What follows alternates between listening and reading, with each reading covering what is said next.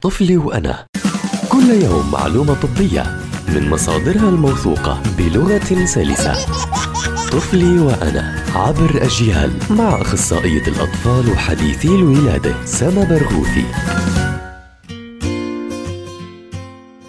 أهلا وسهلا بمستمعي ومستمعات أجيال عبر منصاتها المختلفة. من الأمور اللي بتمنع الأطفال المصابين بالربو إنهم يستفيدوا من العلاج شو ما كان العلاج قوي ومناسب وجود شخص مدخن بالمنزل. عشان هيك من أهم الأمور اللي لازم ناخدها بعين الاعتبار لما يكون في بالعيلة طفل مصاب بالربو نمنع التدخين داخل المنزل وما يدخن أي حدا من أفراد المنزل حتى لو برا المنزل. استنوني بحلقة جديدة من طفلي وأنا حتى نحكي عن أمور بتتعلق بصحة الطفل.